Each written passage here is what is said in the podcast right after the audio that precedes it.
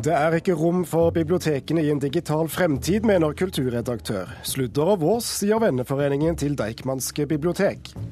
Galleri F15 i Moss setter i verk ekstraordinære sikkerhetstiltak før ny Munch-utstilling åpner. Og Lillehammer er klar for årets litteraturfestival med ansvar som tema. Festivalsjefen er gjest i Kulturnytt eh, denne ettermiddagen med Thomas Alvarstein Ove. Men vi skal tjuvstarte litt med litteraturfestivalen eh, nå også. For eh, der spør de denne uken bør det offentlige bruke penger på å ruste opp bibliotektjenesten i vår digitale tid. Vi tar debatten like greit i Kulturnytt. Kulturbarometeret, som måler hvor mye vi bruker kulturinstitusjonene, viser at utlån av bøker Eh, totalt sett går ned med noen få prosent, men blant unge voksne stuper antall utlån. Erling Fossen, urbanist og styremedlem i Deichmans eh, Venner. Hvorfor bør vi bruke offentlige penger til å, å ruste opp bibliotekene?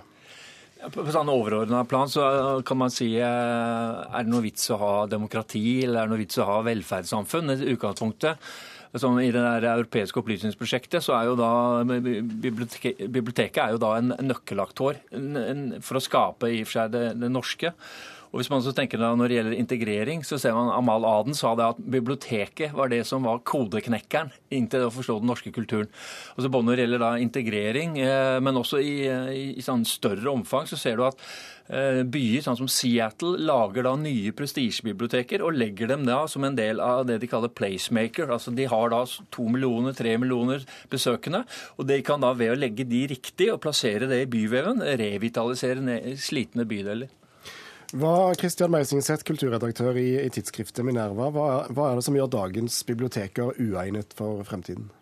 Jeg synes Dette er en veldig, det er en veldig spennende diskusjon. fordi eh, Litteraturen er oppe i en stor brytningstid. Jeg er jo selv litteraturviter og er veldig veldig glad i litteratur. og tenker at Det viktigste her er å spre litteratur til flest mulig. Men før så var det sånn at man måtte ha en fysisk bok for å lese litteratur. Eh, I dag er det i stor grad også sånn. Det er nesten ingen som kjøper e-bøker. Men i fremtiden vil det høyst sannsynligvis være eh, det absolutt store flertall vil lese e-bøker. Og da kan det godt være at det blir på samme måte som med musikk og som film. Altså I dag, hvis man har Netflix, hvis man har Spotify og Wimp Altså tilgjengelighet, nærhet til brukerne. Altså Det er jo ingen som gidder å gå på biblioteket og låne en film i dag, når man kan klikke på Netflix og få det akkurat der man er, akkurat når man vil ha det, akkurat den filmen man ønsker. Erling Fossen, eh, du kjemper for et nytt bibliotek i, i, Oslo. Det er for så vidt vedtatt, men hvorfor skal vi bruke noen milliarder på Ja, men eh, Samtidig blir denne debatten litt feil, fordi Høyre-byrådet har jo da akkurat eh, bestemt seg for å bruke 2,6 milliarder på å ruste opp biblioteket. Men altså, så Meisingsten høres litt ut som en sånn helfrelst digital nomade fra 1995, når du fikk Mosaikk og Netscape og de første nettleserne, som mener at nå forsvinner alt i cyberspace.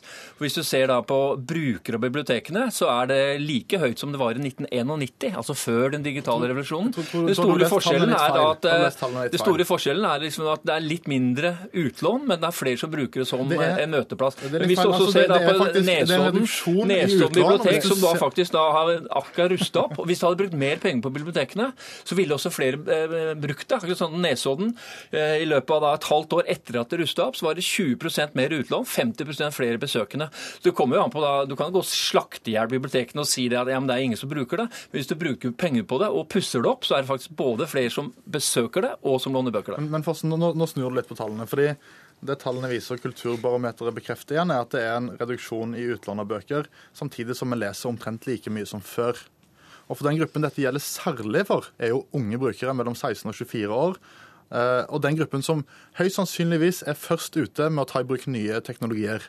Og Altså, det, det, er jo bare å tenke, sant? Altså, E-bøker i dag er ganske lite populært. Hvis man sammenligner med musikk. altså MP3-filer liksom, er jo bygons for lengst. Nå er det streaming som gjelder. Det trenger ikke ha mange år til vi er på samme eh, nivå når det gjelder bøker. Og Da kan det jo dessverre være sånn at de unge brukerne peker litt i hvilken retning dette går. Og jeg tenker Det er veldig spennende å se hva mener du om dette hvis vi sitter her om fem eller ti år og det viser seg at utlånstallene for bøker har gått kraftig ned. Der kan det godt være at du mener akkurat det samme, eller det vet jeg ikke. Men bibliotekene opplever i hvert fall selv at dette er en slags uh, omvendingssituasjon, en slags krisetid for utlån av bøker. Og det sier de selv, at nå er det ikke utlån av bøker som er det viktigste. Nå er det et slags kulturhus, og det blir en helt annen type institusjon. Men har ikke det også en verdi, det som eh, Fossen nevner, at, unnskyld, at bibliotekene i stor grad er en møteplass? Jo, og det, dette eh, på en måte Min politiske løsning på dette er jo at eh, staten dropper loven om krav om folkebibliotek i hver kommune og gir kommunene selv ansvar for å tenke etter. Altså, Hvilket kulturtilbud er det vi trenger til våre innbyggere? Hvilke møteplasser trenger vi? Det kan være at man har teatre, at man har nye kulturhus, eh, at man har liksom, kulturkafeer og alt mulig rart. Og Da er det ikke sikkert at det er så viktig med akkurat dette biblioteket som en møteplass. Men det må man jo se i hver enkelt kommune og ha et pragmatisk forhold til. Mm. Men bare igjen for å se på altså, demokratiaspektet ved brukerne av Deichman. Uh, Amal Aden var da det var norske kodeknekkeren. Du ser også da Stavanger fylkesting har nå akkurat vedtatt at det er uh, biblioteket som arena for integrering er den viktigste. Det var forslag fra Venstre. Nå skal det da sette i gang et nytt forskningsprosjekt på, på rundt det. Uh, det har vært et forskningsprosjekt i regi av Norges forskningsråd som heter PLACE, som har pågått nå i fem år.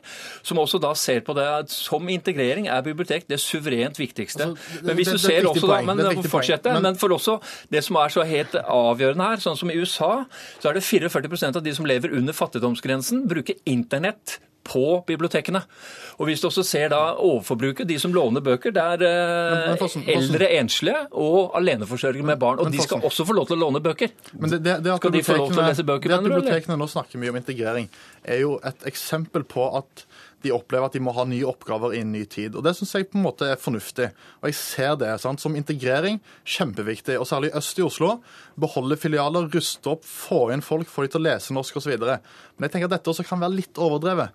Altså Hvis jeg er politiker i Oslo og tenker ok, nå må vi få disse innvandrerne integrert, da er det arbeid, det er språkkunnskap, det er skole, det er deltakelse i fritidstilbud, det er å følge barna sine på fotballtrening. Det er mye viktigere og da tenker jeg også at ok, Selv om det sitter noen somaliere og sjekker, og sjekker, nettet, og sjekker nettet på biblioteket, så er det ikke sånn at de dermed blir veldig integrert. Kanskje de leser aviser på sitt eh, hjemlandsspråk. altså Snakker de med meg som også er biblioteket? Ja, men Biblioteket Nettet. funker som integreringsarena for unge minoritetskvinner. altså Hvorfor skal det gjøre noe med det? Jo, jeg altså- sa det, det er et godt poeng, men for, som integreringstiltak så er det ikke det viktigste. Vi får la integreringsspørsmålet henge litt i luften. Helt til slutt, én eh, setning hver. Hvordan vil et bibliotek se ut om 25 år, Meisingseth først?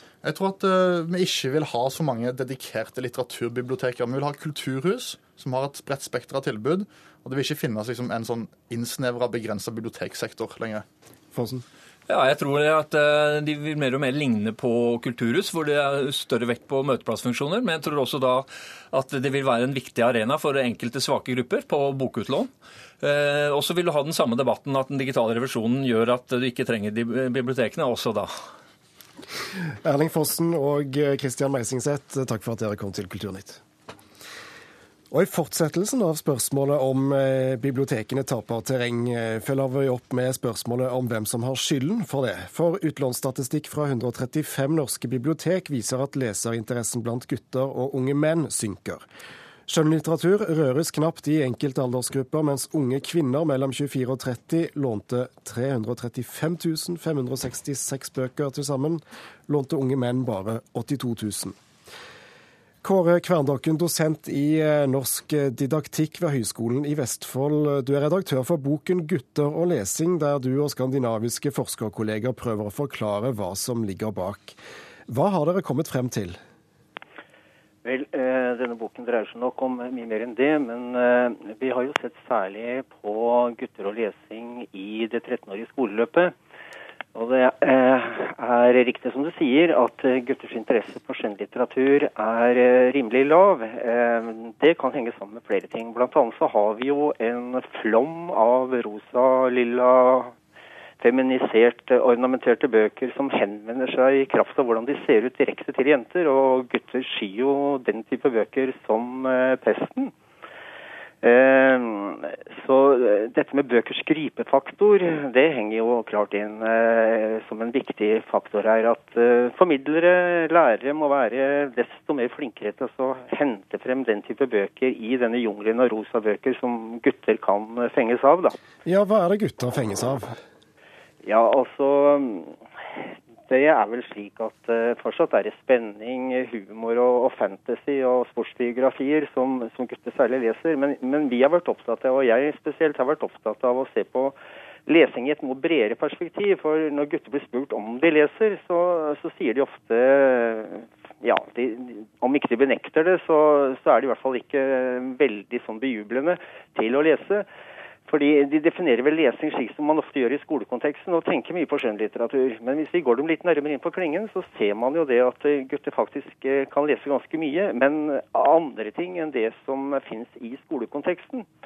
De er f.eks. Eh, ganske opptatt av det digitale tekstfeltet, det som, det som finnes der utenfor papirtrykte medier. Der er guttene rimelig på.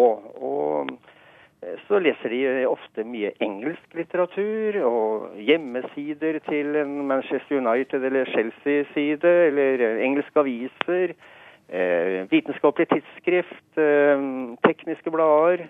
Eh, guttene leser nok mye av det som ikke de møter så sterkt i skolekonteksten. Men er det sånn at det gutta leser ikke blir eh, sett på som skal vi si, skikkelig lesing og, og litteratur, eh, mens, mens, det jentene leser, det, det, er ordentlige bøker? Jeg tror i hvert fall at i skolen så, så, glemmer man kanskje å dra nytte av den type lesing som, som gutter Eh, bedriver, eller kanskje ikke honorerer nok, eller at eh, formidlerne på en måte ikke fremstår som så legitimerte formidlere av den type lesing. Da, at de forholder seg mer til, ja, til lærebokkulturen og, og til, til, lesebokkulturen, hvor, hvor mye av det som guttene leser, på en måte ikke finnes. Kåre Kverndakken ved Høgskolen i Vestfold, tusen takk for at du var med i Kulturnytt.